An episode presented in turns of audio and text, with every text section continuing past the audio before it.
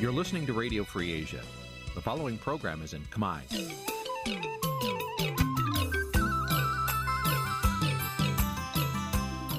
នេះជាកម្មវិធីផ្សាយ Vuthu Azizi Serai នេះជាកម្មវិធីផ្សាយរបស់ Vuthu Azizi Serai ជាភាសាខ្មែរ Vuthu Azizi Serai សូមស្វាគមន៍លោកអ្នកនាងទាំងអស់ពីរដ្ឋធានី Washington នៃសហរដ្ឋអាមេរិក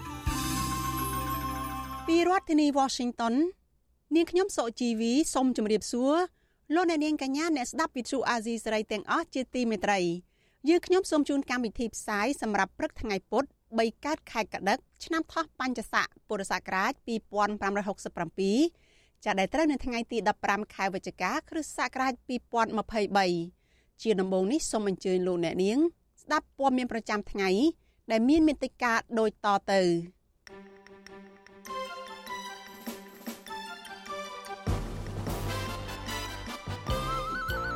មន្ត្រីជាន់ខ្ពស់គណៈបកប្រឆាំងថាលោកហ៊ុនសែនប្រើប្រាស់ស្ថាប័នអង្គព្រះមហាក្សត្រដើម្បីការពារអំណាចរបស់ខ្លួន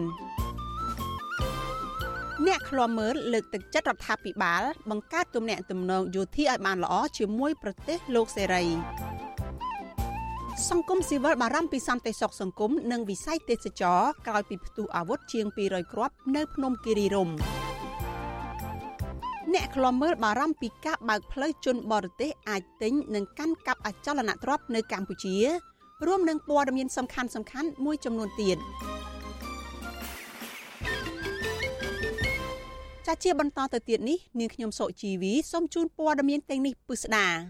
លោកអ្នកនាងជាទីមេត្រីមន្ត្រីជាន់ខ្ពស់គណៈបកប្រឆាំងលើកឡើងថាលោកហ៊ុនសែន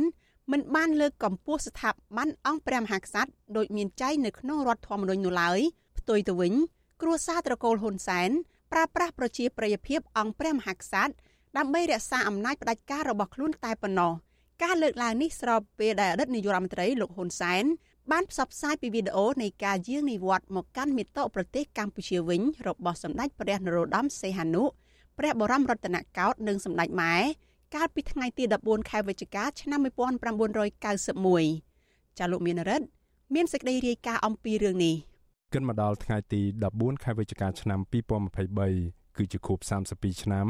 ដែលអង្គព្រះមហាក្សត្រព្រះបាទនរោត្តមសីហនុព្រះបរមរតនកោដ្ឋបានយាងនិវត្តន៍មកកាន់ប្រទេសកម្ពុជាវិញដែលមានវត្តមានរបស់លោកហ៊ុនសែនជាអ្នកទៅយាងព្រះអង្គពីទីក្រុងប៉េកាំងនៃប្រទេសចិនលោកហ៊ុនសែនបានផ្សព្វផ្សាយវីដេអូដើម្បីរំលឹកឡើងវិញនៅព្រឹត្តិការណ៍ជាប្រវត្តិសាស្ត្រមួយនេះ ទោះជាយ៉ាងណាមន្ត្រីជាន់ខ្ពស់គណៈបពប្រឆាំងលើកឡើងថាលោកហ៊ុនសែនមិនបានលើកកម្ពស់ព្រះកេតនាមរបស់អង្គព្រះមហាក្សត្រនោះទេផ្ទុយទៅវិញពួកគេថាលោកហ៊ុនសែនគ្រាន់តែទាញយកប្រជាប្រិយភាពរបស់ស្ថាប័នព្រះមហាក្សត្រដើម្បីការពារការដឹកនាំបែបផ្ដាច់ការរបស់គ្រួសារតកោហ៊ុនតែប៉ុណ្ណោះ អតីតតំណាងរាជគណៈបកសង្គ្រោះជាតិលោកអ៊ុំស្មាន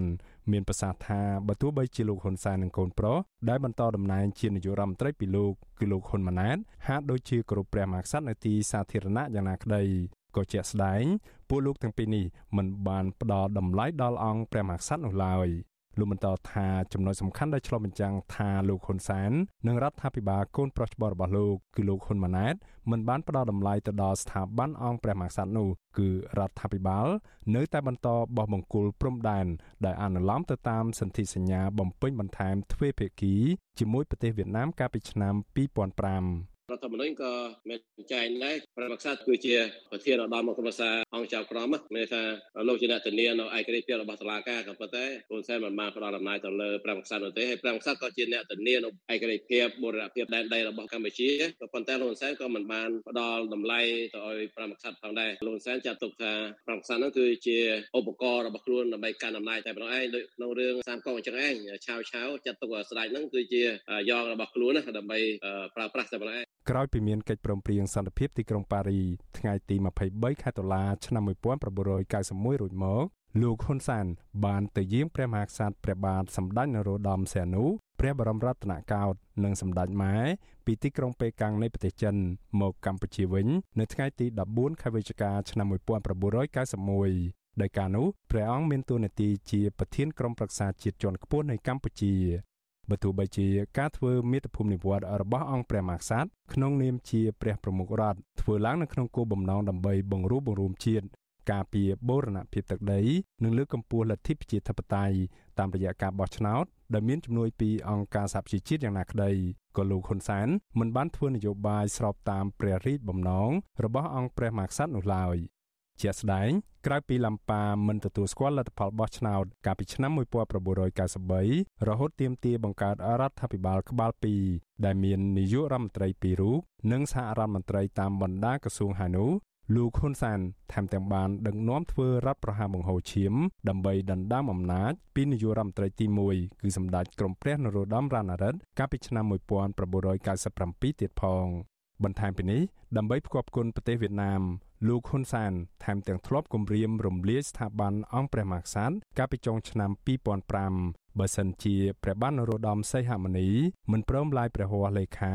លើសន្ធិសញ្ញាព្រំដែនបំពេញបន្ថែមទ្វេភាគីជាមួយប្រទេសវៀតណាមខ្ញុំនិយាយជាមួយដៃកងវាខ្ញុំថាព្រះអង្គនិយាយប្រាប់អាដាមសុនចន្ទលនេះកុលភេងនេះខ្ញុំគិតថាថាវីនេះពីសវត្តកណ្ដាលើយន្តហោះ ហើយខ្ញុំប្រាប់ដៃកងវាពេលជួបតាមទូរស័ព្ទថាព្រះអង្គបើលើកនេះវាពិបាកទេ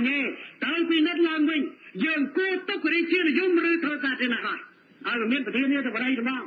ឬហើយណាស់ដាក់បញ្ចូលក្នុងរដ្ឋធម្មនុញ្ញនៅមាត្រាណាមួយតែកាលណាដាក់ទៅក្នុងរង្វង់ប្រមាណថ្ងៃត្រូវចុះហត្ថលេខាឬឡាយឬបើឡាយបើលេខាឬចុះហត្ថលេខាក្នុងរង្វង់ប្រមាណហើយបើមិនចុះហត្ថលេខាមិនឡាយបើលេខាឬចុះហត្ថលេខាទេគឺនឹងចូលជាគេមួយ ទំនងដោយសារការគម្រាមរបស់លោកហ៊ុនសែនបែបនេះហើយទើបបានជាព្រះមហាក្សត្រព្រះបាទនរោត្តមសីហមុនីដែលទើបតែបានឡើងគ្រងរាជថ្មីថ្មីផងនោះបានបង្ខំព្រះハរតីឡាយព្រះហស្ថលេខាលើសន្ធិសញ្ញាបំពេញបន្ថែមដែលផ្ទុយទៅនឹងស្មារតីនៃកិច្ចព្រមព្រៀងសន្តិភាពទីក្រុងប៉ារីរហូតដល់ទៅ2ដងគឺម្ដងនៅថ្ងៃទី30ខែវិច្ឆិកាឆ្នាំ2005និងម្ដងទៀតនៅថ្ងៃទី5ខែធ្នូឆ្នាំ2019 សន្ធិសញ្ញាទាំងនេះត្រូវបានក្រុមអ្នកនយោបាយបពប្រឆាំងនិងក្រុមអ្នកឃ្លាំមើលរិះគន់ថាជាការទទួលស្គាល់លើសន្ធិសញ្ញាខុសច្បាប់ដែលរបបសាធារណរដ្ឋប្រជាមានិតកម្ពុជា និងប្រទេសវៀតណាម បានចុះនៅក្នុងពេលដែលកម្ពុជា ស្ថិតនៅក្រោមរណបនឹងការត្រួតត្រារបស់ប្រទេសវៀតណាមក្នុងអំឡុងពេលពេញមួយទសវត្សរ៍ទី80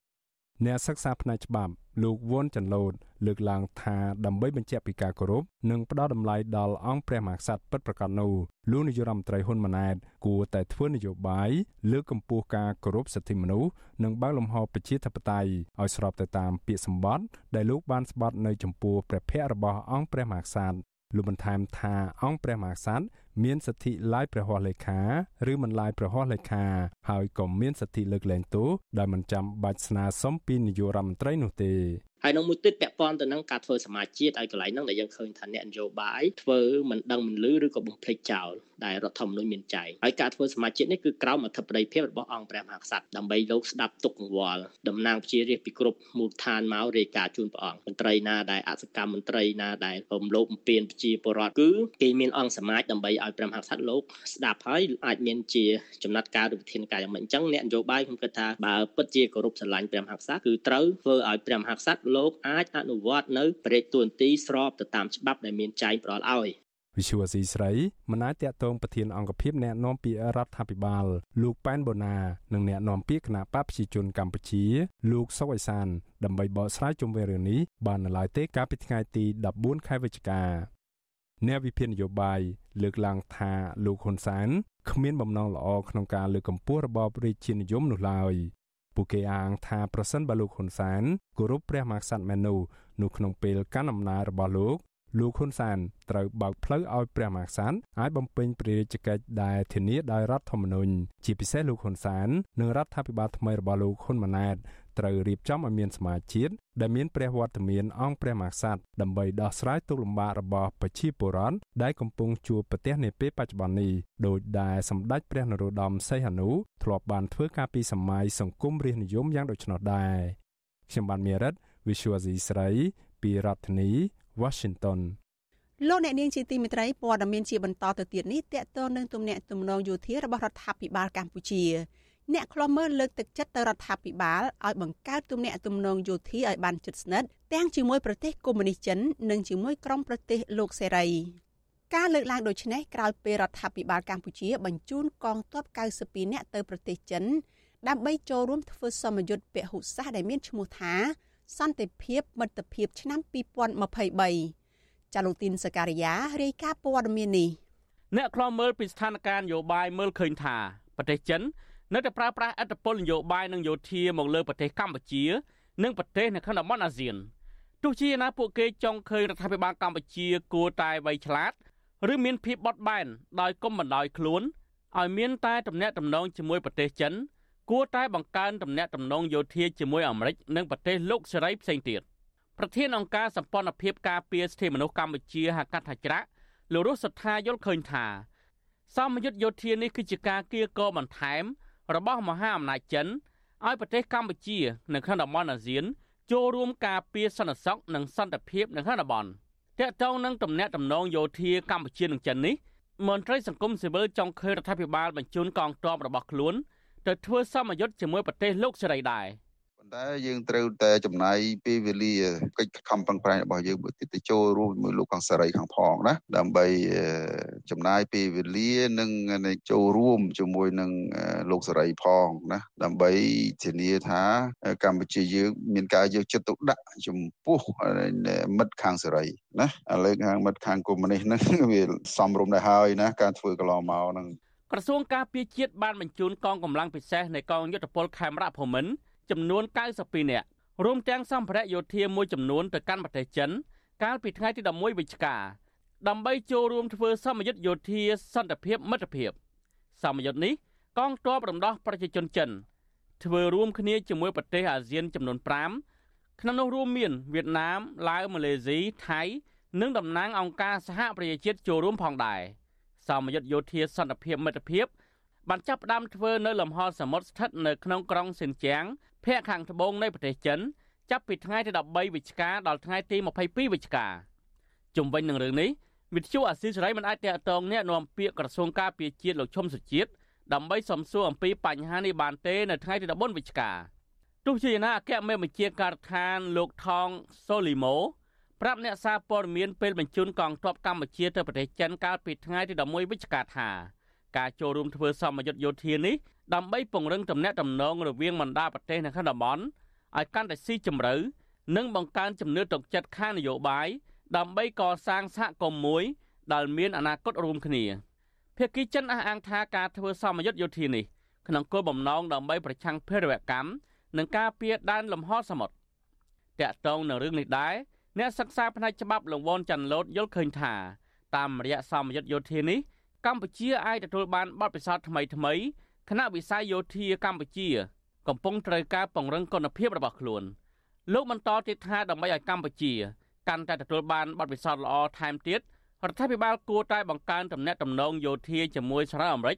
ឬក្រុមប្រទេសលោកសេរីថែមទៀត។ បើសិនជារដ្ឋាភិបាលកម្ពុជាខ្លួនឯងមើលឃើញថាទំនាក់ទំនងមានតែទំនាក់ទំនងជាមួយចិនទៅអាចធានាបាននៅអំណាចធានាបាននៅស្ថិរភាពនយោបាយរបស់ខ្លួនគិតថាហ្នឹងវាជាការយកខុសមួយដល់ខ្លួនហើយអញ្ចឹងបើសិនជាមាននៅក្នុងគំនិតបែបនេះខ្ញុំគិតថាវាអាចនឹងនាំផលអវិជ្ជមានមកកាន់កម្ពុជាបាទកម្ពុជាបានរៀបចំសមយុទ្ធយោធាជាមួយកងទ័ពចិនចំនួន5លើករួចមកហើយចាប់តាំងពីឆ្នាំ2016ទន្ទឹមនឹងនេះ កម្ពុជាបានលុបចោលដោយឯកតោភាគី ក្នុងការធ្វើសមយុទ្ធយោធារួមគ្នាឬហៅថាឆ្មាំអង្គរជាមួយអាមេរិកនិងសមយុទ្ធយោធាជាមួយអូស្ត្រាលីឈ្មោះដនកូព្រៃកាលពីឆ្នាំ2017ការបង្កើនទំនាក់ទំនងយោធារវាងកម្ពុជានិងចិននេះ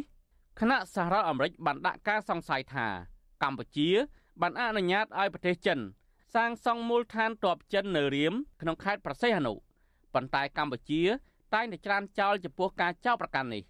ខ្ញុំបាទធីនសាការីយ៉ាអស៊ីសេរីប្រធានាធិបតី Washington លោកអ្នកនាងកញ្ញាប្រិយមិត្តអ្នកស្ដាប់ជាទីមេត្រីរដ្ឋាភិបាលអាណត្តិទី7បានសម្រេចផ្ដល់យន្តការមួយចំនួនសម្រាប់បើកឱកាសឲ្យជនបរទេសទិញនិងកាន់កាប់អចលនទ្រព្យនៅកម្ពុជា បន្ទាប់ពីអង្គញាស្នើសុំទៅកាន់រដ្ឋាភិបាលជុំវិញរឿងនេះមន្ត្រីបកប្រឆាំងនិងអ្នកខ្លាំមើលសម្ដែងក្តីបារម្ភនិងចាត់ទុកការបើកផ្លូវទៅដល់ជនបរទេស អាចទិញនិងកាន់កាប់អចលនទ្រព្យនៅកម្ពុជានេះថាជាដំណោះស្រាយដោះទាល់ដើម្បីការពារអំណាចរបស់រដ្ឋាភិបាលចាលោកអ្នកនាងនៅបានស្ដាប់សេចក្តីរាយការណ៍នេះពិស្ដានៅពេលបន្តិចទៀតនេះលោកអ្នកនាងកញ្ញាជាទីមេត្រីសេចក្តីរាយការណ៍តាក់ទងនឹងក្តីបារម្ភពីសន្តិសុខសង្គមវិញម្ដងមន្ត្រីអង្គការសង្គមស៊ីវិលបារម្ភពីបញ្ហាអសន្តិសុខសង្គមនិងវិស័យទេសចរនៅក្រៅមានហេតុការណ៍ផ្ទុះអាវុធជាង200គ្រាប់ នៅតំបន់ទេសចរភ្នំគិរីរម្យនៅក្នុងខេត្តកំពង់ស្ពឺអាជ្ញាធរថាបានកំណត់មុខសញ្ញារួចហើយនិងកំពុងតាមចាប់ខ្លួនជនបង្កហេតុចាលោកសេកបណ្ឌិតរាយការណ៍ព័ត៌មាននេះប្រធានអង្គការសម្ព័ន្ធភាពការពារសិទ្ធិមនុស្សកម្ពុជាហៅកាត់ថាច្រាក់លោករស់សុថាប្រាប់ពទ្យុអសីស្រីនៅថ្ងៃទី14វិច្ឆិកាថា ជារឿងដ៏ភ្ញាក់ផ្អើលមួយមិនគួរឲ្យកើតមានឡើងនៅក្នុងសម័យសន្តិភាព លោកបារម្ភដល់សន្តិសុខសង្គមនិងការធ្លាក់ចុះចំនួនភ្ញៀវទេសចរទៅលេងតំបន់គិរីរម្យក្រោយពីមានហេតុការណ៍បាញ់បោះដោយសេរីកើតឡើងវាជារឿងប្រវត្តិសាស្ត្រមួយ ដែលវាមិនដែលមានក្នុងសម័យដែលយើងចប់សង្គ្រាមវាមានក្របពីក្រប4 5ក្របអីចឹងវាមានដល់បាញ់រាប់រយក្របចឹងគឺថាយកអាវុធមកបាញ់ចឹងវាអត់ដែលមានការលើកឡើងនេះក្រោយពីហេតុការណ៍ផ្ទុះអាវុធជាង200គ្រាប់ ដែលលើចេញពីពិធីខួបកំណើតមួយ នៅយប់ថ្ងៃទី11វិច្ឆិកា នៅចំណុចផ្ទះលំហែលើខ្នងភ្នំគិរីរម្យស្ថិតនៅភូមិថ្មីឬហៅថាភូមិចំការតែឃុំចំបក់ស្រុកភ្នំស្រួចខេត្តកំពង់ស្ពឺ បន្ទាប់ពីហេតុការណ៍នេះកើតឡើង ព្រះរាជអាជ្ញាអមសាលាដំបងលោកស៊ិនវិរៈនិងអាជ្ញាធរខេត្តកំពង់ស្ពឺ បានចុះទៅពិនិត្យទីតាំងកន្លែងកើតហេតុនៅរសៀលថ្ងៃទី13វិច្ឆិកា អាជ្ញាធរបានរកឃើញសម្បកគ្រាប់កាំភ្លើងជាង200គ្រាប់ក្នុងនោះគ្រាប់កាំភ្លើងខ្លីចម្រុះចំនួន112គ្រាប់គ្រាប់អាវុធ M16 ចំនួន36គ្រាប់និងគ្រាប់កាំភ្លើង AK ចំនួន55គ្រាប់វិទ្យុអាស៊ីសេរីមិនទាន់អាចតាក់ទងអធិការរងទទួលបន្ទុកការងារនគរបាលយុទ្ធធរនៃអធិការដ្ឋាននគរបាលស្រុកភ្នំស្រួចលោកម៉ែនសុខេម និងអធិការនៃអធិការដ្ឋាននគរបាលស្រុកភ្នំស្រួចលោកសាយប៊ុនថនដើម្បីអត្ថាធិប្បាយជុំវិញបញ្ហានេះបាននៅឡើយទេ នៅថ្ងៃទី14វិច្ឆិកាចំណែកស្នងការនៃស្នងការដ្ឋាននគរបាលខេត្តកំពង់ស្ពឺលោកសំសាមុនប្រាប់បទសុអសីសេរីតាមបណ្ដាញសង្គម Telegram យ៉ាងខ្លីថា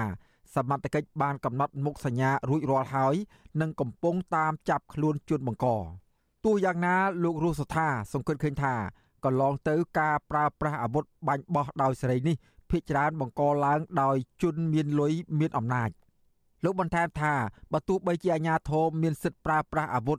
ក៏ប៉ុន្តែការប្រើប្រាស់អាវុធនោះត្រូវមានលិខិតបេសកកម្មជាដើមលោកស្នើដល់ក្រសួងមហាផ្ទៃនិងក្រសួងការពារជាតិឲ្យពង្រឹងការគ្រប់គ្រងអាវុធជាតិផ្ទុះឲ្យបានតឹងរ៉ឹង។ ពុកម្ដាយដែលមានកូនចៅឬក៏អ្នកធំដែលមានសហការីបែបអញ្ចឹងគឺថាត្រូវពិនិត្យមែពិនិត្យអនុវត្តច្បាប់ឲ្យបានតឹងរឹងធ្វើយ៉ាងម៉េចគ្រប់គ្រងកូនគ្រប់គ្រងអ្នកដែលក្រមអាវ៉ាត់របស់ខ្លួនឲ្យបានល្អជិះវៀងការប្រមាថមើងងាយទៅដល់មេដាបៃតាឬក៏អ្នកគ្រប់គ្រងថាយើងជា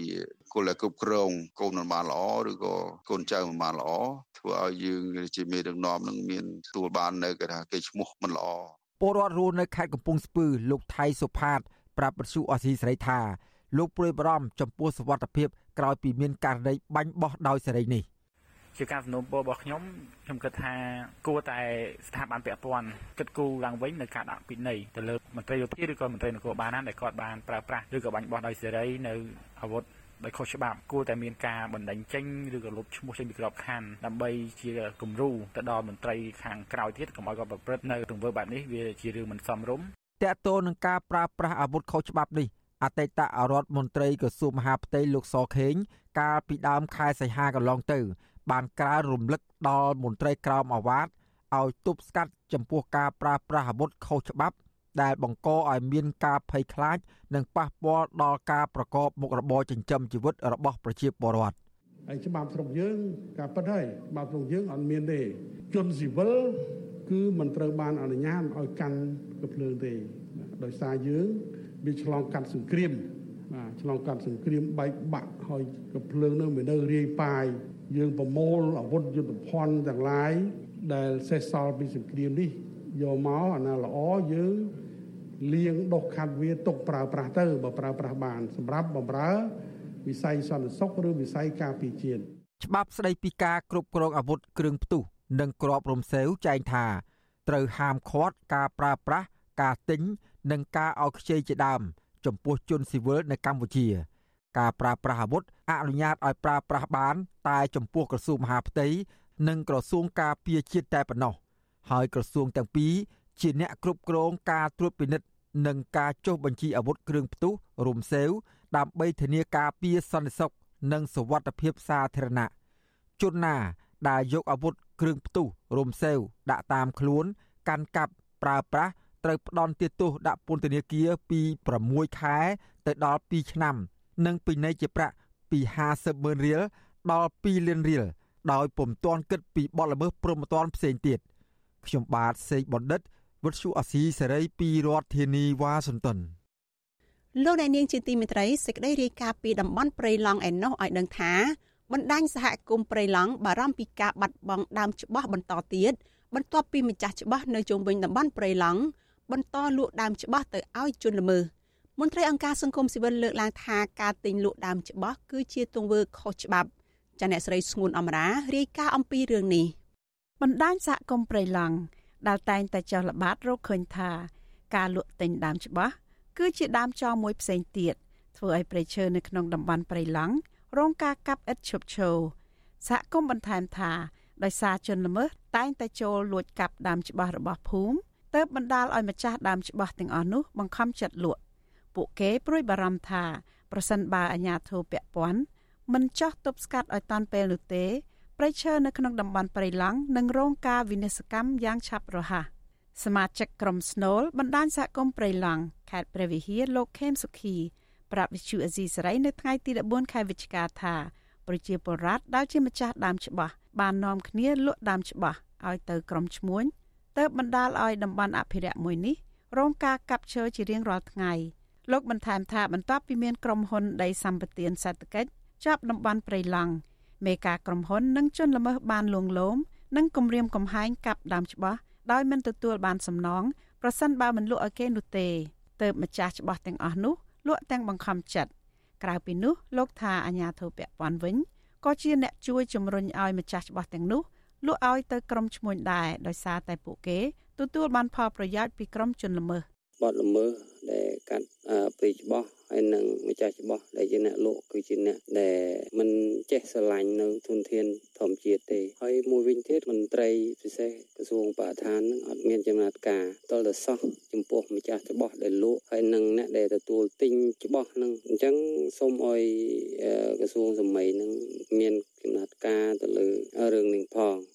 ស្រដៀងគ្នានេះដែរអ្នកសម្របសម្រួលបណ្ដាញសហគមន៍ព្រៃឡង់ខេត្តកំពង់ធំ លោកហ៊ឿនសុភីបលើកឡើងថាអាញាធិបពពាន់គឺជាអ្នកនៅពីខាងក្រោយខ្នងនៃការលក់ទិញដើមច្បាស់ទាំងនេះដោយសារអាញាធិបបានដឹងច្បាស់ថាអ្នកភូមិណាខ្លះលក់ដើមច្បាស់ឲ្យក្រុមឈ្មួញលោកព្រួយបារម្ភថាដើមច្បាស់និងដើមឈើដទៃទៀតនឹងបន្តបាត់បង់បើគ្មានការទប់ស្កាត់និងមិនមានការអប់រំដល់ប្រជាពលរដ្ឋឲ្យយល់ពីតម្លៃនៃព្រៃឈើទាំងនោះ ការលក់ដូរនេះវានៅតែកើតឡើងបានន័យថាអត់ទាន់មិនមានមន្ត្រីអាជ្ញាធរណាដាក់ទូទាត់ទៅដល់ប្រជាពលរដ្ឋទាំងអ្នកលក់ទាំងអ្នកទិញវាអត់មានណាអញ្ចឹងហើយគឺខ្ញុំគិតថាជាដើមចំដែលធ្វើឲ្យនៃការបាត់បង់ទុនធានធម្មជាតិជាពិសេសទៅដល់ច្បាស់រមុនដល់ផ្សេងដល់ក្នុងតំបន់ព្រៃឡង់គឺកំពុងតែមានការវិនិច្ឆ័យហោចពីមួយខែទៅមួយខែវិទ្យុអាស៊ីស្រីមិនអាចតាក់ទងប្រធានមន្ទីរបរិស្ថានខេត្តទាំង4នៅជុំវិញតំបន់ព្រៃឡង់ដើម្បីសុំការអត្ថាធិប្បាយបានទេ នៅថ្ងៃទី14ខែវិច្ឆិកាដោយទូរស័ព្ទចូលគ្មានអ្នកទទួលចំណែកអ្នកនាំពាក្យក្រសួងបរិស្ថានលោកផៃប៊ុនឈឿន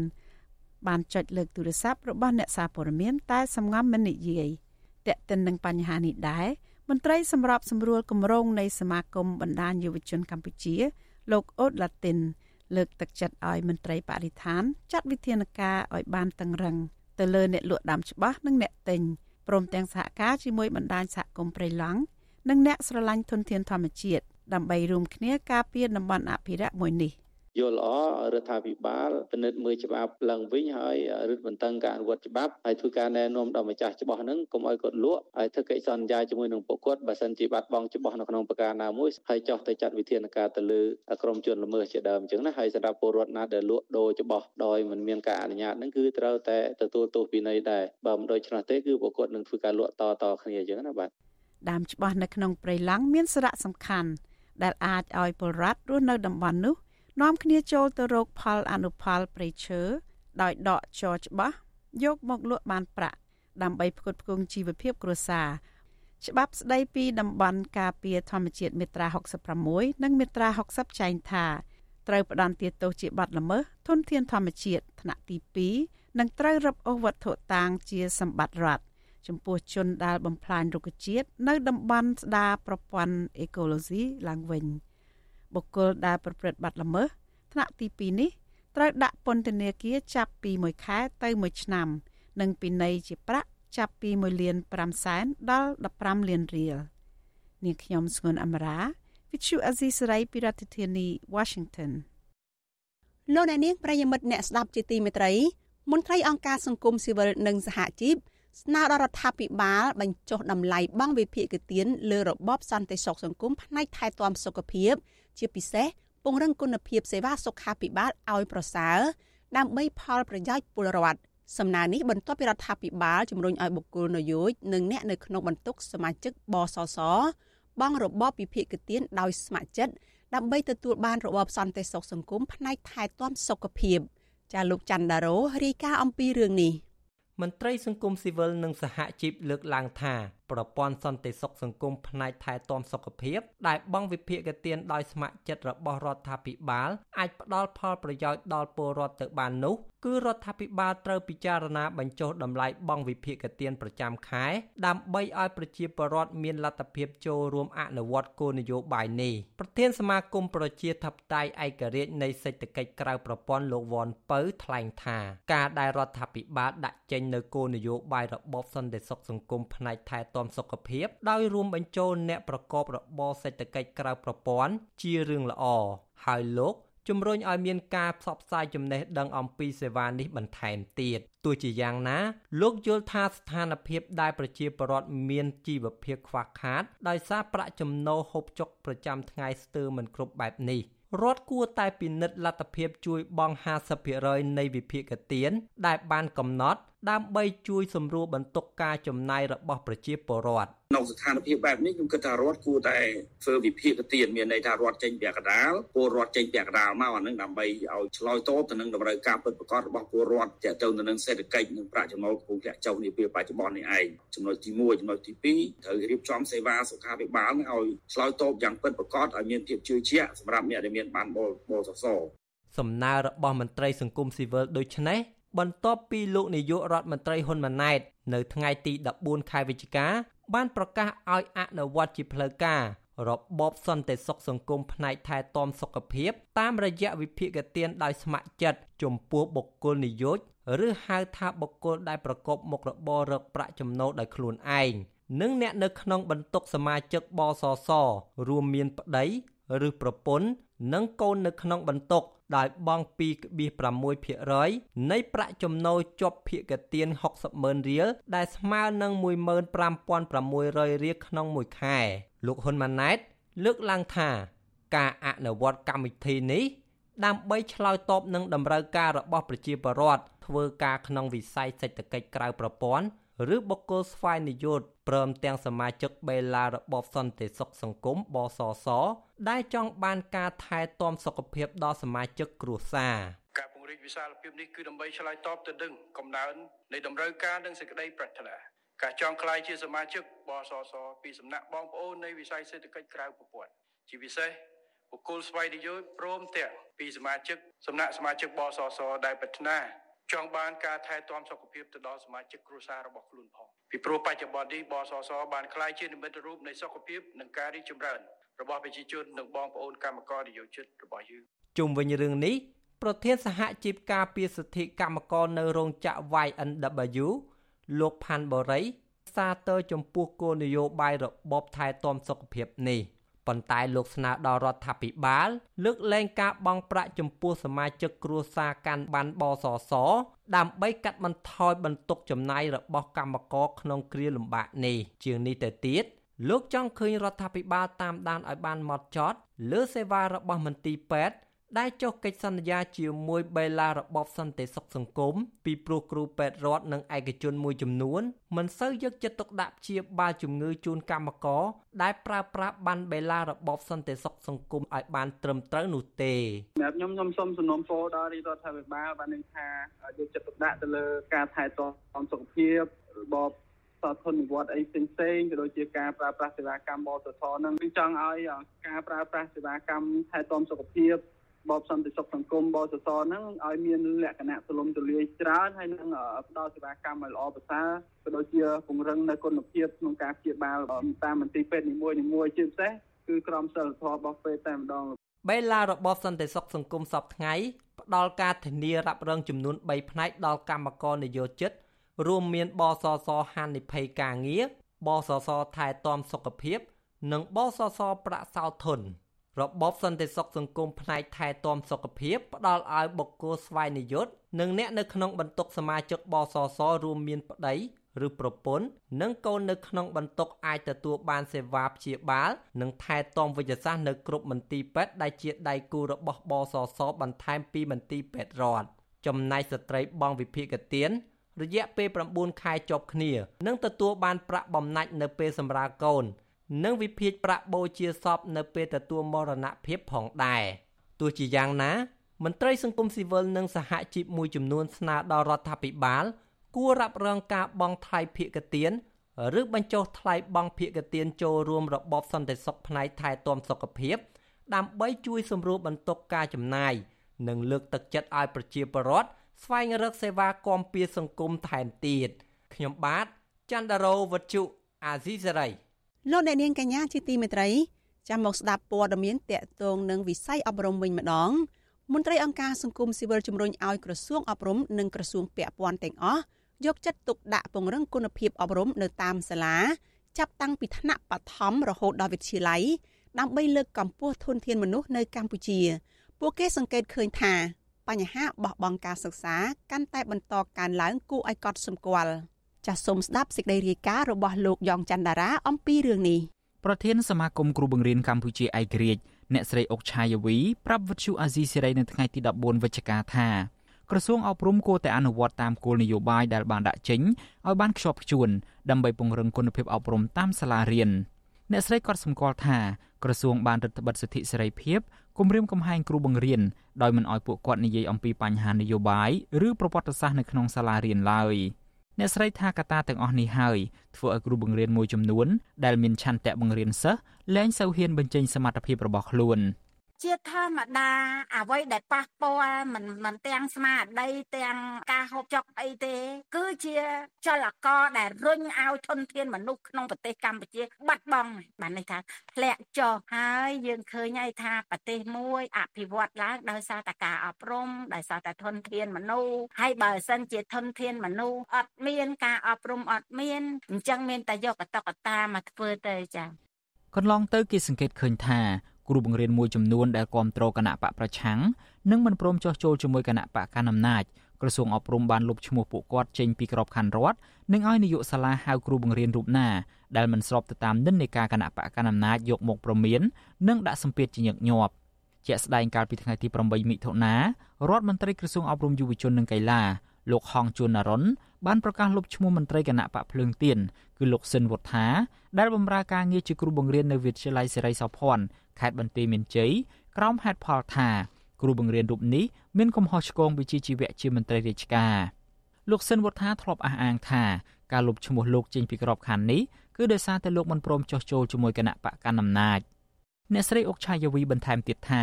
បញ្ហាបពុនិយមអំពើពុករលួយនៅក្នុងស្ថាប័នរដ្ឋនិងប្រាក់បៀវត្សរបស់គ្រូបង្រៀនទៀបក៏ជះឥទ្ធិពលដល់ប្រព័ន្ធអប់រំនៅតាមសាលារៀនផងដែរ។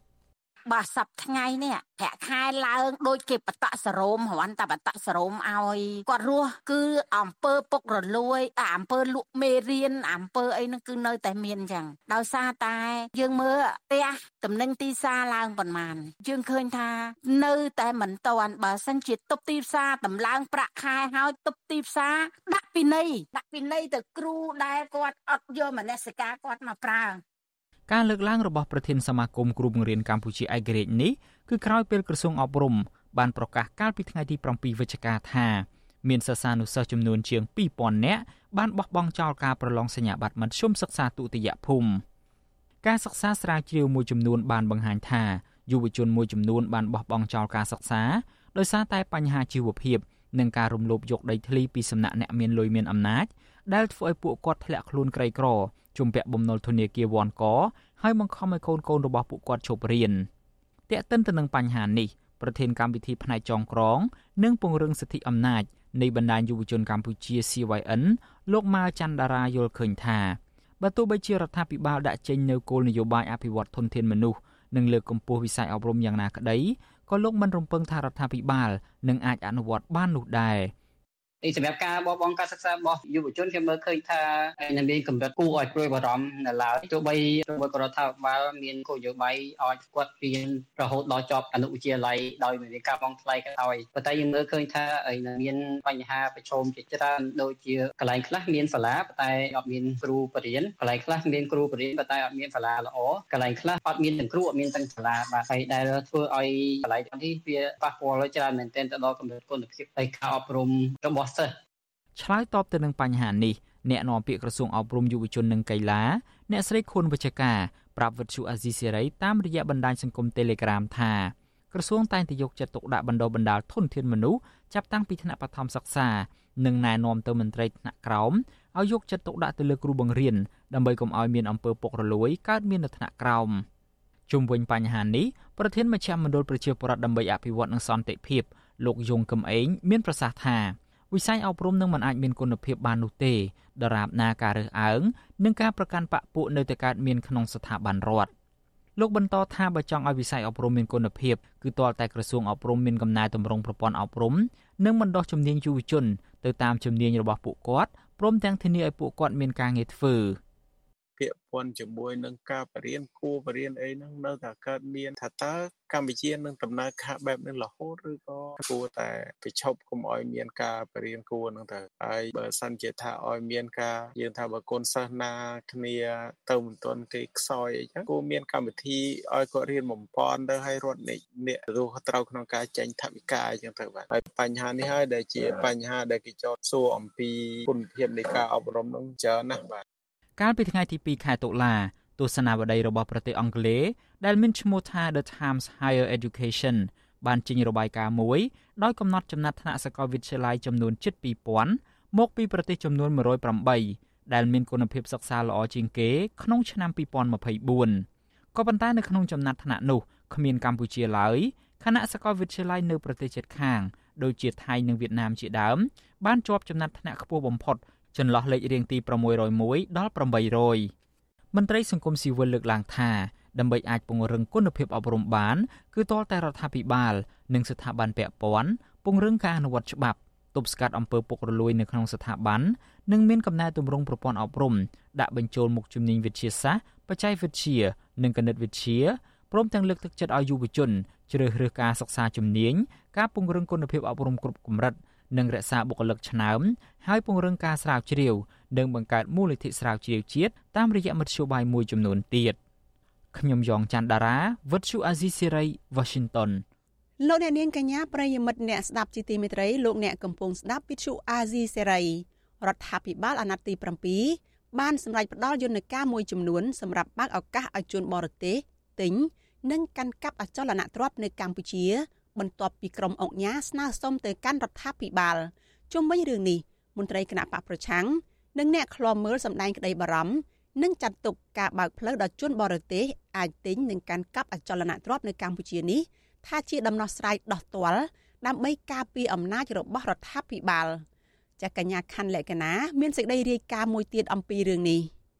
លោកនាយករដ្ឋមន្ត្រីហ៊ុនម៉ាណែតបានផ្ដល់យន្តការចំនួន3 ដើម្បីបើកផ្លូវឲ្យជនបរទេសទិញនិងកាន់កាប់អចលនទ្រព្យនៅប្រទេសកម្ពុជា ក្រោមហេតុផលដោះស្រាយវិស័យសំណង់និងអចលនទ្រព្យដែលកំពុងប្រឈមនឹងបញ្ហាធ្ងន់ធ្ងរការប្រកាសរបស់លោកហ៊ុនម៉ាណែតនេះ ធ្វើឡើងបន្ទាប់ពីក្រុមអ្នកអុកញ៉ាអុកញ៉ាមកពីសមាគមអ្នកអភិវឌ្ឍលំនៅឋាននៅកម្ពុជា កាលពីថ្ងៃទី23ខែតុលាឆ្នាំ2023បានស្នើរដ្ឋាភិបាលឲ្យជួយដោះស្រាយលើវិស័យសំណង់និងអចលនទ្រព្យដែលពួកគេថា កំពុងជួបវិបត្តិធ្ងន់ធ្ងរនាពេលបច្ចុប្បន្នអំឡុងពេលនោះ ក្រុមអ្នកអុកញ៉ាអុកញ៉ាដែលជាម្ចាស់បូរីនៅកម្ពុជា បានស្នើរដ្ឋាភិបាលជួយសម្រួលដល់ជនបរទេសឲ្យពួកគេមានសិទ្ធិទិញដីផ្ទះនៅកម្ពុជា ដើម្បីជួយសង្គ្រោះដល់វិស័យសំណង់និងអចលនទ្រព្យឲ្យងើបឡើងវិញ ក្នុងវេទិការដ្ឋាភិបាល និងផ្នែកឯកជន កាលពីថ្ងៃទី13ខែវិច្ឆិកាលោកហ៊ុនម៉ាណែតលើកឡើងថាទោះបីរដ្ឋធម្មនុញ្ញមិនអនុញ្ញាតឲ្យជនបរទេសទិញដីនិងផ្ទះ និងអចលនទ្រព្យនៅកម្ពុជាក៏ពិតមែនប៉ុន្តែមានយន្តការចំនួន3ដែលផ្ដល់សិទ្ធិឲ្យជនបរទេសអាចទិញនិងកាន់កាប់អចលនទ្រព្យដោយមានសិទ្ធិស្ទើរតែដូចគ្នានឹងសិទ្ធិរបស់កម្មសិទ្ធិករយន្តការទាំង3នោះរួមមានយន្តការតាមរយៈតំណាងជាជនជាតិខ្មែរដែលយន្តការនេះអនុញ្ញាតឲ្យជនបរទេស អាចទិញដីបាន តាមរយៈតំណាងជនជាតិខ្មែរប៉ុន្តែនៅលើប័ណ្ណកម្មសិទ្ធិត្រូវដាក់ឈ្មោះអ្នកតំណាងជាជនជាតិខ្មែរហើយដើម្បីការពារដល់អ្នកវិនិយោគបរទេសទាំងនោះពួកគេត្រូវតែមានកិច្ចសន្យាធានាជាមួយអ្នកតំណាងរបស់ខ្លួនយន្តការមួយទៀតគឺជាយន្តការតាមរយៈក្រុមហ៊ុនបរធនបាល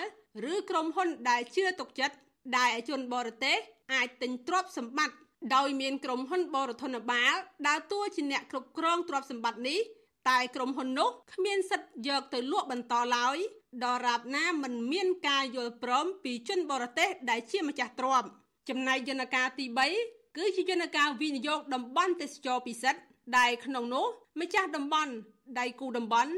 ឬទេសចរពិសេសអាចទទួលបានការលើកទឹកចិត្តជាដើមក្រៅពីយន្តការទាំង3នេះលោកហ៊ុនម៉ាណែតបានលើកអនុសាសន៍ ផ្ដល់យន្តការមួយបន្ថែមទៀតក្នុងការបើកឱកាសឲ្យជនបរទេសមានសិទ្ធិកាន់កាប់ដីធ្លីនិងផ្ទះប្រហាក់ប្រហែលនឹងសិទ្ធិកម្មសិទ្ធិរបស់ពលរដ្ឋខ្មែរនៅប្រទេសកម្ពុជាដែរតាមរយៈវិធីឲ្យជនបរទេសជួលរយៈពេលវែងដោយមិនចាំបាច់ធ្វើវិសោធនកម្មឬកែរដ្ឋធម្មនុញ្ញឡើយ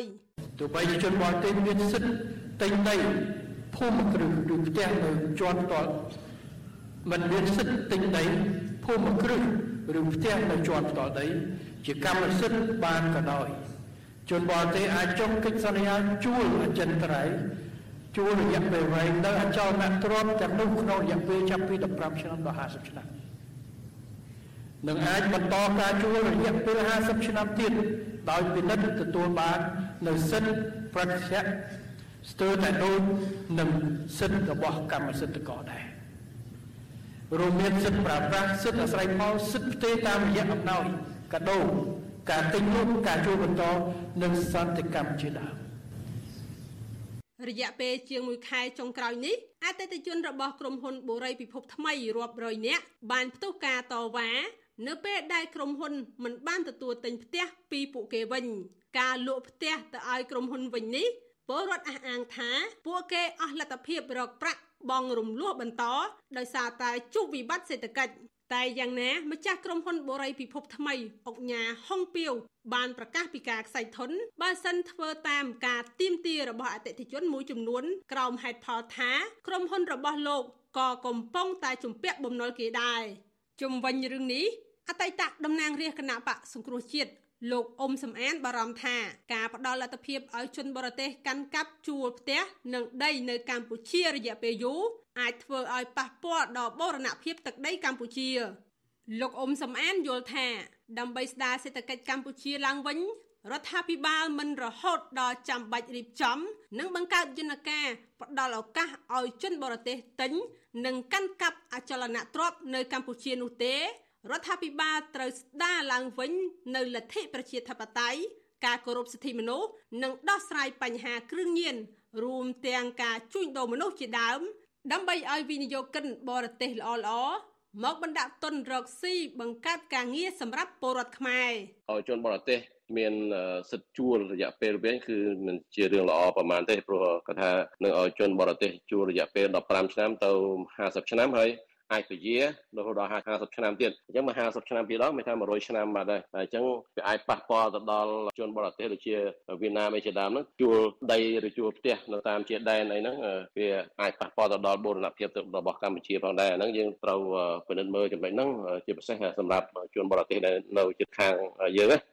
ប្រធានក្រុមប្រឹក្សាខ្លំមើលកម្ពុជាលោកម៉ែនណាត ព្រួយបារម្ភខ្លាចការបើកលទ្ធភាពឲ្យជនបរទេសទិញនិងកាន់កាប់អចលនទ្រព្យរួមទាំងអាចជួលដីនិងផ្ទះនៅកម្ពុជាធ្វើឡើងមិនមានដំណាភាពដោយសាររដ្ឋាភិបាលបច្ចុប្បន្នគិតតែពីដោះស្រាយនយោបាយដើម្បីការពារអំណាចដោយមិនគិតផលប្រយោជន៍ជាតិជាសំខាន់លោកហៅយន្តការរបស់លោកហ៊ុនម៉ាណែតថាជាយន្តការដោះទាល់តែប៉ុណ្ណោះហើយយន្តការនេះលោកថាវាផ្ទុយពីរដ្ឋធម្មនុញ្ញកម្ពុជា ដែលជាច្បាប់កម្ពុជារបស់ជាតិហួសព្រំដែននៃរដ្ឋធម្មនុញ្ញហើយហើយហួសព្រំដែនរដ្ឋធម្មនុញ្ញវាចូលកម្រិតមួយដែលលក់អធិបតេយ្យហើយហើយបើបដ ாய் ឲ្យជនបរទេសជាពិសេសជនបរទេសដែលមានហិច្ចតាឈ្លានពានកម្ពុជានោះវានាំគ្នាមកទិញដីទិញឃ្លីមកទិញផ្ទះទិញសម្បែងនៅពេញស្រុកខ្មែរថ្ងៃណាមួយវាធ្វើវិធានសនាធ្វើអបគុំអីនោះតើរដ្ឋាភិបាលកម្ពុជានឹងគិតយ៉ាងម៉េចអានេះវាជាក្តីព្រួយបារម្ភធំណាស់សម្រាប់កម្ពុជា ក្រុមអ្នកតាមដានបញ្ហាសង្គមនៅកម្ពុជាសម្ដែងការព្រួយបារម្ភថាយន្តការរបស់លោកហ៊ុនម៉ាណែតដែលបើកឱកាសឲ្យជនបរទេសកាន់កាប់ដីធ្លីនិងផ្ទះនៅប្រទេសកម្ពុជានេះអាចបង្កជាបញ្ហាអសន្តិសុខនិងនាំហានិភ័យដល់បូរណភាពទឹកដីនៅកម្ពុជានាពេលអនាគតស្របពេលកម្ពុជាមានប្រព័ន្ធដឹកនាំខ្សោយបពុនិយម និងអំពើពុករលួយជាដើមក្រៅពីព្រួយបារម្ភអ្នកតាមដានបញ្ហាសង្គម ក៏ជំរុញឲ្យរដ្ឋាភិបាលកម្ពុជាគោរពតាមរដ្ឋធម្មនុញ្ញនិងកិច្ចព្រមព្រៀងសន្តិភាពទីក្រុងប៉ារីសដើម្បីស្ដារលទ្ធិប្រជាធិបតេយ្យការគោរពសិទ្ធិមនុស្សក្នុងគោលដៅផ្សះផ្សាស្មារតីជាតិខ្មែរនិងខ្មែរឡើងវិញ ពួកគេថា បើសិនជារដ្ឋាភិបាលធ្វើបាននោះកម្ពុជានឹងទទួលបានអត្ថប្រយោជន៍យ៉ាងច្រើនត្រឡប់មកវិញ ដូចជាប្រព័ន្ធអនុគ្រោះពន្ធពីអឺរ៉ុបនិងសហរដ្ឋអាមេរិកហើយមន្ត្រីធំធំរបស់រដ្ឋាភិបាលសពថ្ងៃអាចរួចផុតពីទណ្ឌកម្មរបស់សហរដ្ឋអាមេរិកខណៈវិស័យវិនិយោគទុនក៏អាចប្រសើរឡើងដែលធ្វើឲ្យជីវភាពពលរដ្ឋល្អជាងពេលបច្ចុប្បន្នខ្ញុំខណ្ឌលក្ខណា Visual Assisary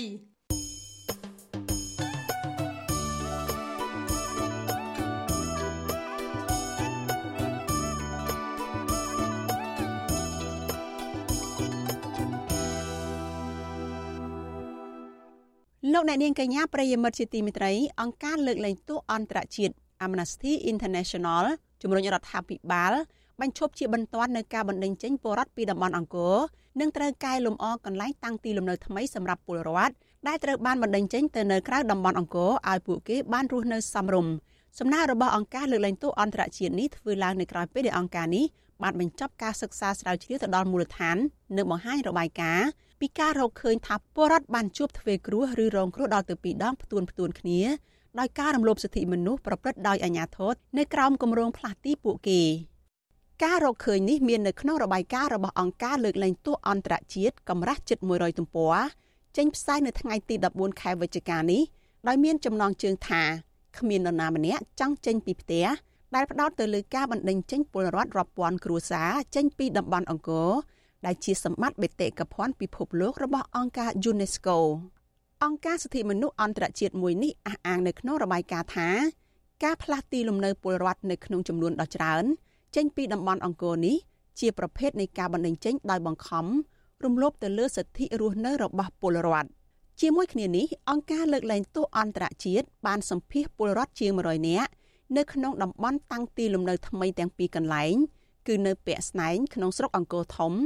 និងនៅរុនតាឯកស្រុកបន្ទាយស្រី ក្នុងនោះគេរកឃើញថាទីតាំងថ្មីពុំមានហេដ្ឋារចនាសម្ព័ន្ធគ្រប់គ្រាន់សម្រាប់ពលរដ្ឋរស់នៅបានសមរម្យឡើយពួកគេបង្ខំចិត្តចាក់ចេញទៅទីតាំងថ្មីបើទោះបីជាត្រូវប្រឈមមុខនឹងគ្មានមុខរបរបាត់បង់ជីវភាពដែលធ្លាប់មាននៅភូមិចាស់ឆ្ងាយពីទីក្រុង ខ្វះអនាម័យត្រូវចាប់ផ្ដើមសាងសង់ផ្ទះខ្លួនឯងឡើងវិញ ដូចជាចាប់ផ្ដើមពីបាតដៃទទេឡើងវិញដែរ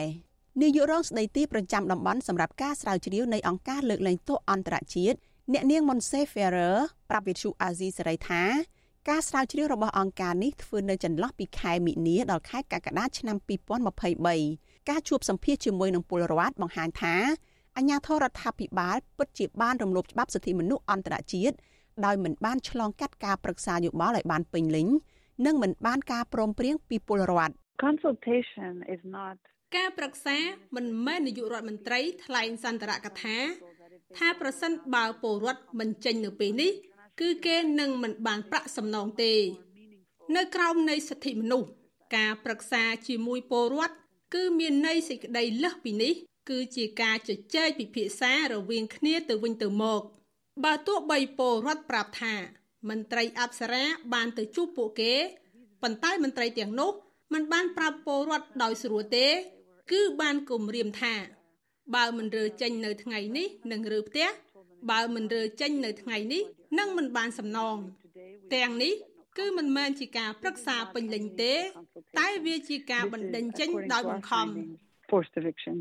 តកតងនឹងការបណ្ដេញពលរដ្ឋចេញពីតំបន់អង្គរនេះអតីតនាយករដ្ឋមន្ត្រីលោកហ៊ុនសែនបានថ្លែងជាសាធារណៈកាលពីខែតុលាឆ្នាំ2022ថាមូលហេតុចម្បង គឺត្រូវគោរពតាមលក្ខខណ្ឌតម្រូវនៃអង្គការ UNESCO បន្ថែមពីនេះលោកហ៊ុនសែនថែមទាំងប្រមានមិនផ្ដល់សំណងដល់ពលរដ្ឋប៉ុន្តែនៅពេលវេលាមកដល់ម៉ាស៊ីនក៏អត់ឲ្យ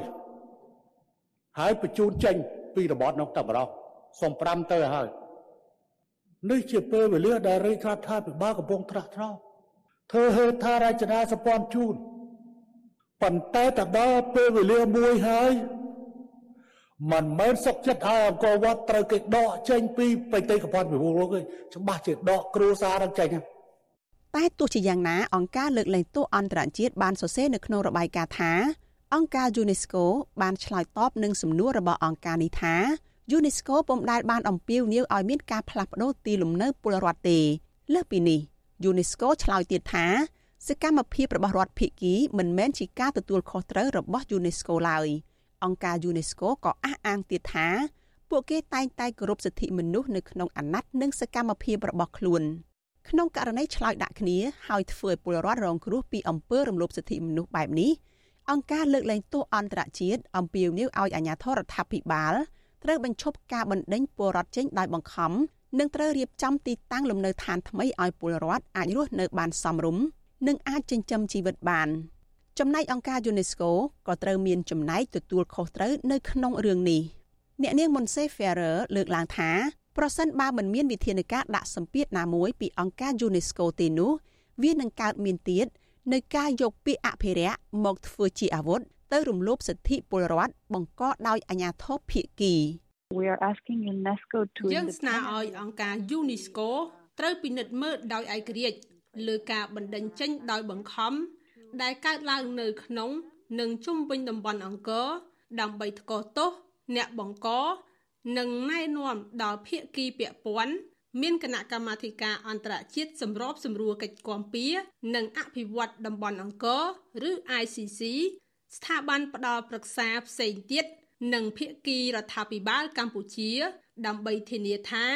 ការបណ្តេញចេញដោយបង្ខំបានបញ្ចប់និងធានាថា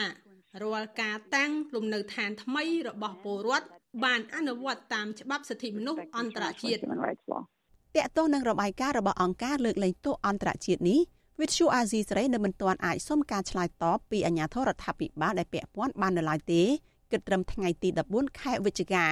អ្នកនាំពាក្យក្រសួងវប្បធម៌លោកសុំម៉ាប់បដិសេធមិនឆ្លើយតបដោយប្រាប់ថារឿងនេះពាក់ព័ន្ធនឹងអាជ្ញាធរអប្សរា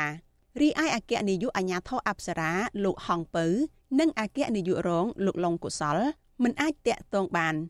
ងាកទៅស្ថានភាពរស់នៅរបស់ពលរដ្ឋនៅក្នុងតំបន់រុនតាឯកនៅពេលនេះប្រធានសមាគមនិស្សិតបញ្ញវន្តខ្មែរលោកកើតសរាយដែលបានចុះទៅសិក្សាពីជីវភាពពលរដ្ឋកាលពីថ្ងៃទី4ខែវិច្ឆិកាឲ្យដឹងថាបញ្ហាចម្បងរបស់ពលរដ្ឋនៅទីនោះគឺពិបាករស់នៅព្រោះខែវស្សាទឹកលិចហើយផ្ទះពលរដ្ឋមួយចំនួនត្រូវបំផ្លាញដោយទឹកជំនន់និងខ្យល់ព្យុះ ចំណែកនៅរដូវប្រាំងដីហុយខ្លាំងលោកថាពលរដ្ឋមួយចំនួនចាប់ផ្ដើមរើចេញបណ្ដាបណ្ដាអ្នកខ្លះដាក់លក់ដីនិងអ្នកខ្លះទៀតបិទទ្វារផ្ទះទុកចោលពីព្រោះនៅទីនោះពួកគាត់គ្មានមុខរបរអ្វីអាចចិញ្ចឹមជីវិតបានទេកាលណាដែលជំលះប្រជាពលរដ្ឋបែបនេះគឺវាត្រូវមានការទទួលខុសត្រូវខ្ពស់ប៉ុន្តែការទទួលខុសត្រូវកន្លងមករបស់អាជ្ញាធររដ្ឋគឺអត់ឆ្លើយតបទេហើយប្រជាពលរដ្ឋនៅតែរងគ្រោះមិនខុសគ្នានេះដែរ ពលរដ្ឋវ័យជាង50ឆ្នាំនិងជាអតីតយុទ្ធជន លោកមុតខុនប្រាប់វិទ្យុអាស៊ីសេរីថាលោកបានរើផ្ទះចេញពីភូមិវាលនៅក្នុងសង្កាត់គូចកមករស់នៅតំបន់រុនតាឯកនេះរយៈពេលជិត1ឆ្នាំហើយប៉ុន្តែជីវភាពកាន់តែពិបាកដោយសារតែគ្មានការងារធ្វើនៅជិតជិតផ្ទះលោកជាជាងសំណង់ប្រពន្ធនឹងកូនលក់បន្លែនៅក្នុងផ្សារគឺត្រូវចេញពីផ្ទះទៅក្រុងសៀមរាបជារៀងរាល់ថ្ងៃលោកថានៅភូមិថ្មីគ្មានអូគ្មានត្រពាំងនិងដីស្រែ ដែលលោកអាចទៅរកត្រីបន្លែនិងធ្វើស្រែដូចនៅភូមិចាស់ទេអ្វីអ្វីត្រូវទិញទាំងអស់គឺចំណាយកាន់តែច្រើនចំណូលកាន់តែតិចលោកថាពលរដ្ឋភៀកច្រើនធ្លាក់ខ្លួនជាប់បំណុលកាន់តែច្រើនដោយសារខ្ចីប្រាក់គេមកធ្វើផ្ទះនិងចំណាយចាំបាច់មួយចំនួនទៀតដូចជាថ្លៃទឹកថ្លៃភ្លើងថ្លៃធ្វើដំណើរជាដើម ខ្វះការហូបចុកនេះឯងកាលពីជាតិយើងយើងមកដល់នេះវាទីជល់មិនដឹងទៅរកអីធ្វើអីបានណាពេលច្រើនគឺគេធ្វើផ្ទះទុកចោលគេទៅឯការងារក្រៅវិញខ្លះទៅចេញទៅថៃទៅខ្លះទៅទៅដើរតាមដើរខេត្តទៅទៅទៅដេកពួននេះនោះទៅណាផ្ទះធ្វើទុកចោលហើយអានេះទៅគាត់រកទីផ្សារនេះឲ្យបានដើរទៅបានយើងនេះបានអនុវត្តដូចថៃនោះទៅណារៀបចំទីផ្សារវាមិនខ្ញុំបាទយល់ដែររឿងទីផ្សារហ្នឹងធ្វើបណ្ដល់នេះវាជួនបត់សតហើយ ស្រែស្រែក្រុងក្រុងនឹងវេទនាពលរដ្ឋដែលត្រូវអាជ្ញាធរបង្ខំឲ្យចេញពីតំបន់អង្គរទទួលបានសំណងជាដីទទេទំហំ20គុណនឹង30ម៉ែត្រដូចដូចគ្នាដែលមិនអាចដាំដុះអ្វីចិញ្ចឹមជីវិតបានទេពលរដ្ឋក៏បានទទួលប្រាក់1លានរៀលនិងបានក្រីក្រសម្រាប់ដោះស្រាយជីវភាពអ្វីដែលពលរដ្ឋមួយចំនួននឹកស្មានមិនដល់និងសោកសៅនោះគឺពលរដ្ឋដែលនៅក្នុងភូមិចាស់រាប់ចំនួនមកហើយក៏ត្រូវបង្ខំឲ្យចាក់ចេញដែរ អ្នកភូមិរុនតាឯកម្នាក់ទៀតជាមន្ត្រីរាជការសុំលាក់ឈ្មោះអះអាងថាលោកជាអ្នកភូមិនៅខាងជើងប្រាសាទអង្គរវត្តគ្រួសាររបស់លោករស់នៅភូមិនេះជាច្រើនចំនួនមកហើយលោកស្រណោះកន្លែងធ្លាប់រស់នៅសុកសានព្រោះអ្នកភូមិនេះជាច្រើនជាអ្នកធ្វើការងារនៅប្រាសាទអង្គរវត្តជាអ្នកបោសសម្អាតជាអ្នកជួយការងារអភិរក្សប្រាសាទប៉ុន្តែនៅពេលនេះលែងមានភូមិនេះទៀតហើយ លោកថាពីមុនគ្រួសារលោកមានដីធំមានស្រែអាចចិញ្ចឹមជីវិតបានតាមរបៀបអ្នកស្រុកអង្គរតែពេលនេះមានតែដីផ្ទះតូចមួយហើយក៏ទុកចោលព្រោះការងារលោកនៅឯខេត្តឯកូនកូនក៏ត្រូវទៅរៀននៅឯខេត្តដោយត្រូវជួលផ្ទះគេនៅជីវភាពរកចំណូលអត់បានឲ្យបានតែក្រមួយមកបើលុយទៅបាទបើលុយបាន20 30ម៉ឺននោះទិញហូបមិនបានប៉ុន្មានថ្ងៃអស់ទៀតហើយខ្ចីទៀតទៅអានេះប៉ុណ្ណឹងនិយាយទៅវាពិបាកក្នុងជីវភាពបើសិនបើអាចមានជា រោងចក្រក្បែរនោះអីទៅបាទពួកខ្ញុំនេះទៅសិនកាញ់ជើងស្រាប់ពេញលក្ខណៈអត់យើងមានស្រែមានភ្លឺមានគូមានភូមិត្រឹមត្រូវដើមឈើដើមព្រៃយើងមានហើយយកពាក្យ UNESCO នៅអត់បានទេបើនៅទៀតអង្គការ UNESCO គេដកប្រាសាទអង្គរវត្តពីបេតិកភណ្ឌពិភពលោកហើយមកដល់ចំណុចនេះអង្គការលើកលែងទោសអន្តរជាតិក៏ស្នើឲ្យភាគីពាក់ព័ន្ធរួមទាំងអង្គការ UNESCO ផងឲ្យផ្ដល់ព័ត៌មានឲ្យបានជាក់លាក់ច្បាស់លាស់ដល់ពលរដ្ឋថាតើពលរដ្ឋប្រភេទណា ដែលចាំបាច់ត្រូវចាក់ចេញឬក៏ទប់ស្កាត់មិនឲ្យមកតាំងទីលំនៅថ្មីនៅក្នុងតំបន់អង្គរគិតមកដល់ពេលនេះមានពលរដ្ឋចំនួន10000គ្រួសារហើយដែលត្រូវបានអាជ្ញាធរបង្ខំឲ្យរើផ្ទះចេញពីតំបន់អង្គរបើតាមអង្គការលើកលែងទោសអន្តរជាតិដដែលនេះអាជ្ញាធរទំនងជាមិនទាន់បញ្ចប់ការបណ្តេញចេញត្រឹមនេះនៅឡើយទេ អង្គការអន្តរជាតិនេះទទូចរដ្ឋាភិបាលគោរពសិទ្ធិពលរដ្ឋនិងយកចិត្តទុកដាក់រក្សាពលរដ្ឋឲ្យរស់នៅក្នុងតំបន់អង្គរ ដោយដូនតារបស់ពួកគេ ដែលជាម្ចាស់អង្គរធ្លាប់រស់នៅប្រសិនបើមានករណីចាំបាច់ថាត្រូវតែឲ្យពលរដ្ឋចាកចេញអាជ្ញាធរក៏ត្រូវតែធានាគោរពសិទ្ធិពលរដ្ឋចាប់តាំងពីមុនពេលចាកចេញ ពេលចាកចេញ និងក្រោយពេលចាកចេញ បើមិនដូច្នោះទេ អង្គការលើកលែងទោសអន្តរជាតិថាមិនគួរហៅតំបន់អង្គរថាជាតំបន់បេតិកភណ្ឌពិភពលោក ដែលមានជីវិតរស់រវើកតទៅទៀតទេ គឺគួរលុបពាក្យរស់រវើកនេះចេញវិញ